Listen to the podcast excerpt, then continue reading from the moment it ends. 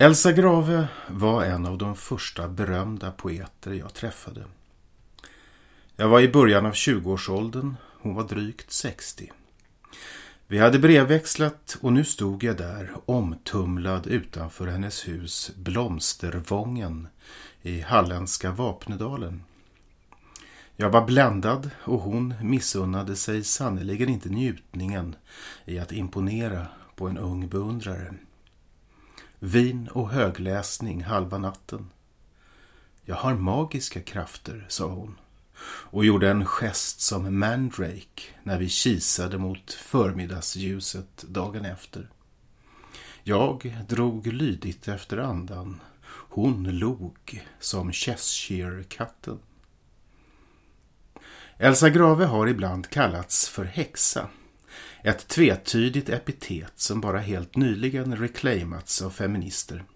Också här var hon en föregångare och de övernaturliga krafter hon sa sig besitta gjorde också rätt trogna lite spaka.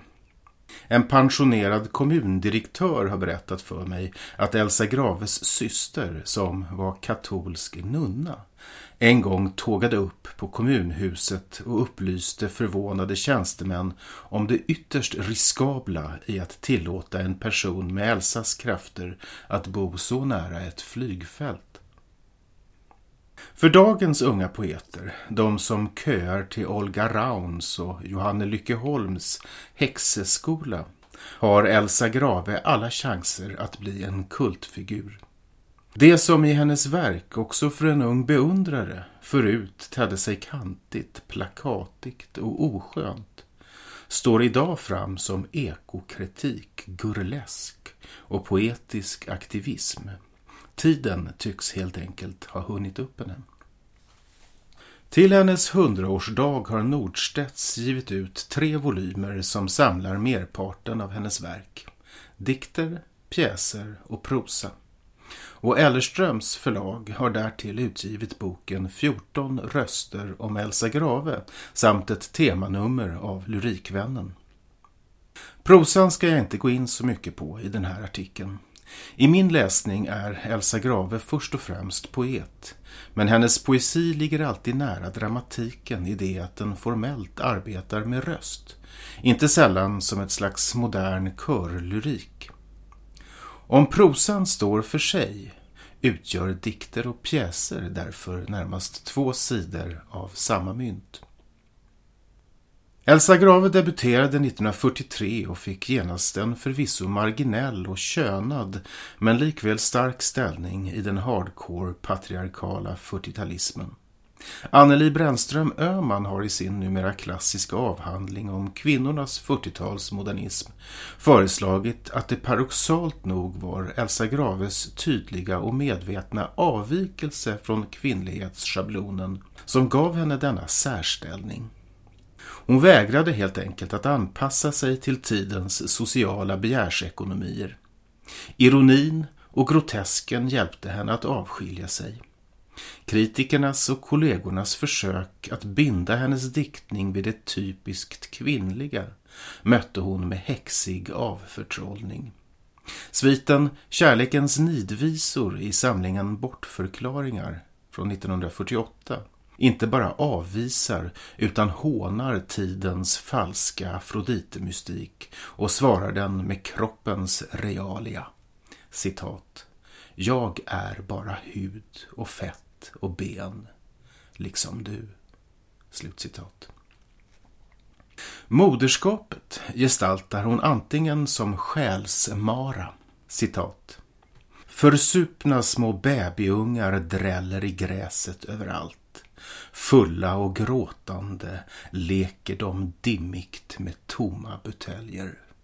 Slutcitat. Eller som själlös och abjektal kroppslighet. Citat.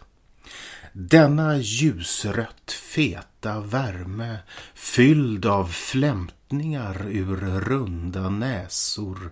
Rörliga är dessa näsor, sökande och trevande. Ofta finner de en möglig skula mitt i strida blåmjölkströmmen. Slutcitat. Bortförklaringar är hennes genombrottsverk och boken etablerar också den reaktiva poetik som hon sedan utvecklade under hela sitt författarskap. Elsa Grave var en poet som intog en avvikande, inte sällan motsatt ståndpunkt. Hon skrev i opposition. Det är, tror jag, framförallt detta som gör hennes verk så aktuellt i vår tid. Hennes ambition är alltid att skriva en kritisk poesi. Idag är det svårt att hitta någon poet som inte berömmer sig av att vara kritisk.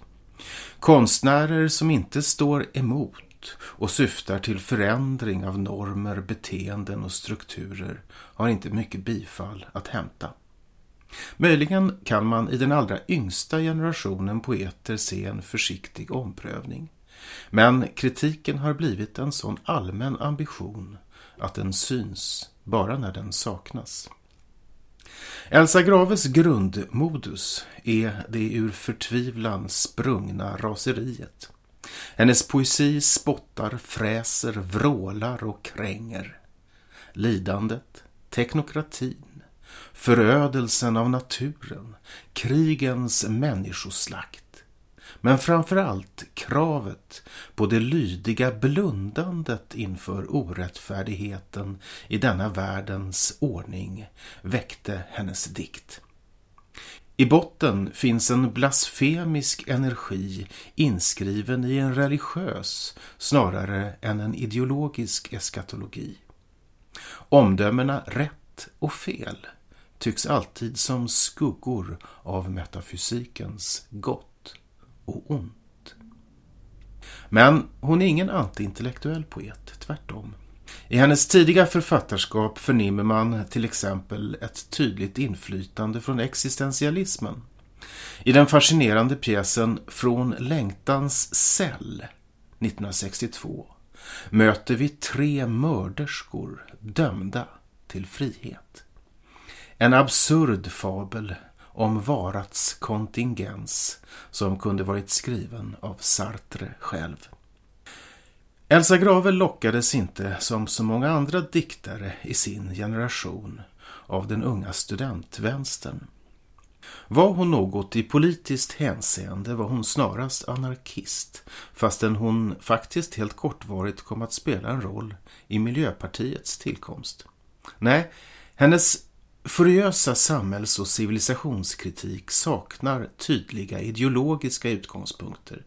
Hon är emot helt enkelt. Emot det rådande, emot makten, emot auktoriteter och konventioner. Det marginaliserade och andra är föremål för hennes försvar. Naturen, barnen, djuret.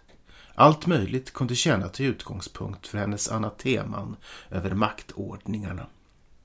Men något paradis, någon utopi eller politisk vision finner man inte i hennes verk.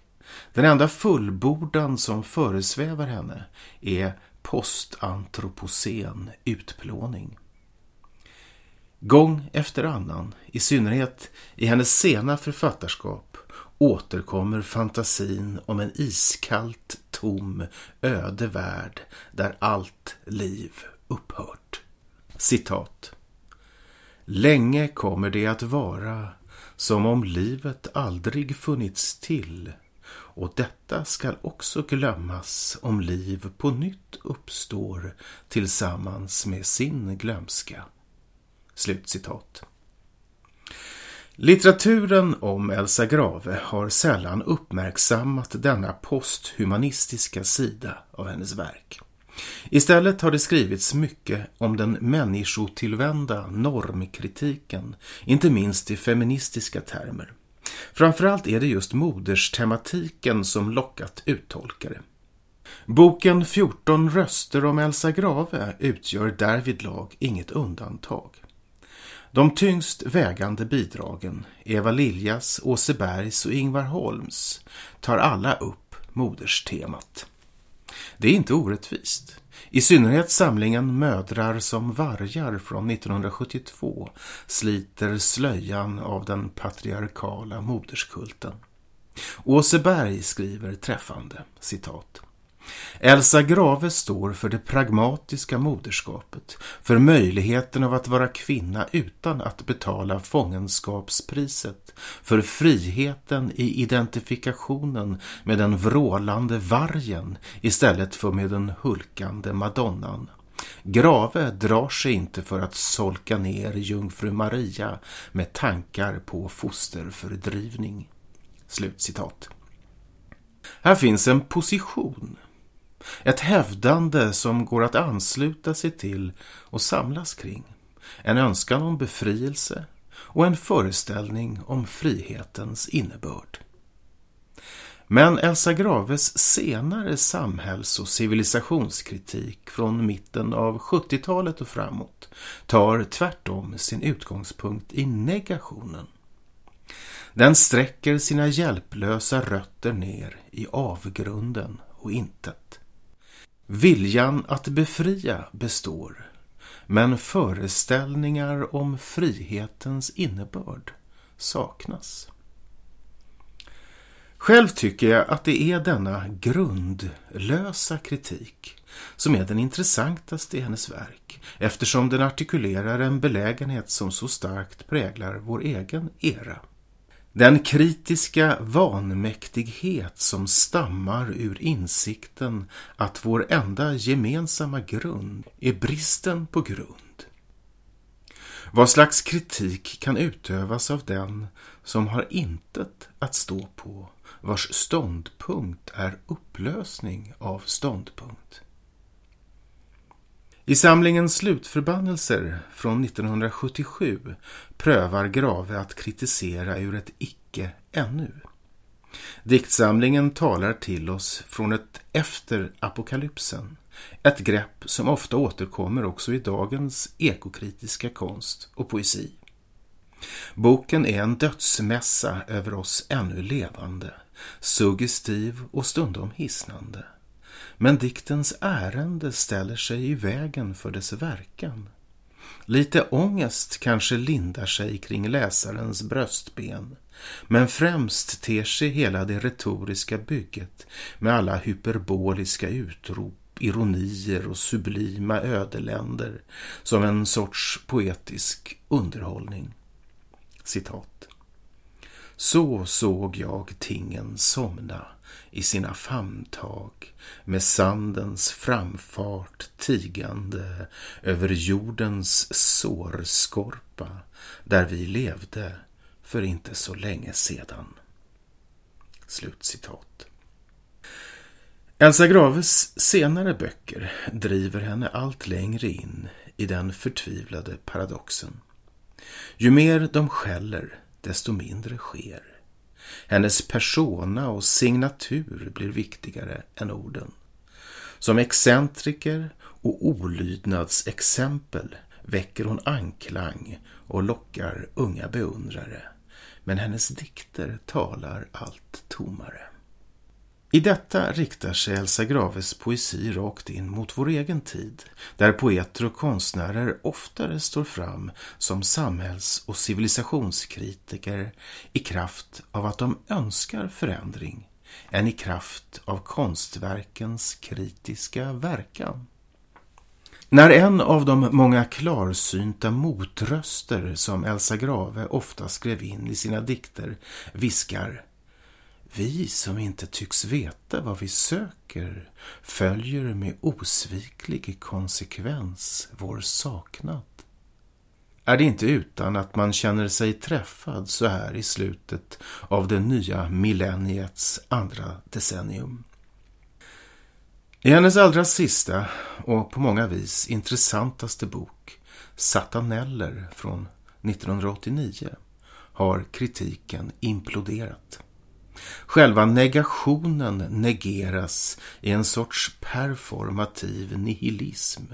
Det är en mardrömslik bok. En ursinnig, ironiskt fräsande röst irrar omkring i alla tänkbara dimensioner och diskurser, från multiversala kosmologier till människohjärtats grottlika inre, från lösryckta kaskader av begrepp hämtade från oförenliga nomenklaturer till drömbilder och osorterade minnesräckor.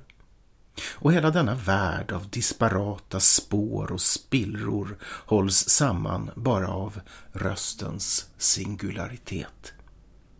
Det är som om bokens alla dikter uttalades av den evigt fallande Lucifer i en enda virvlande upplösning av hela skapelsen. Allt fast och format förskingras genom den rasande och raserande rösten. All mening, all ordning, allt allt och allt inget sugs in i den och förintas.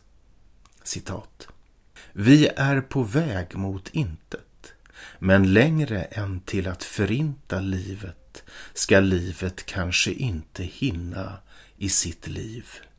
Men intet måste intet överges, susa dödlös genom intets rymder, kolliderande med livets underbara känsla för det orimliga, kanske intet då träffas av den störning som blir ett möte med döden, en fullkomlighet, inte avsedd för intet. Slutcitat. Sataneller är skriven på gränsen till det läsbara. Många av dess rader slutar också med ett gestiskt tankstreck ibland förstärkt av ett frågetecken. En formel som förbinder dikten med det upplösande icke-språket representerat av den tomma vita boksidan. Norstedts imponerande trebandsutgåva uppenbarar ett häpnadsväckande aktuellt författarskap. I synnerhet pjäserna skulle i händerna på rätta regissörer och skådespelare kunna bli föreställningar om just den tid vi nu genomlever. Också de sena diktsamlingarna skulle lämpa sig för performativa tolkningar. Tyvärr har volymen Dikters redaktör kanske inspirerad av konstvärldens kuratorer, valt en tematisk presentation istället för en kronologisk. Om jag får gissa skulle Elsa Grave själv ha upplevt förfarandet som otillbörlig inblandning. De enskilda dikterna begränsas av att fösas samman under förklarande rubriker. Men det förtar inte faktum för den som inte räds det skeva och bottenlösa erbjuder Elsa Graves dikter en lockelse. Som den lockelse de glittrande spindelnäten erbjuder sommarens feta flugor.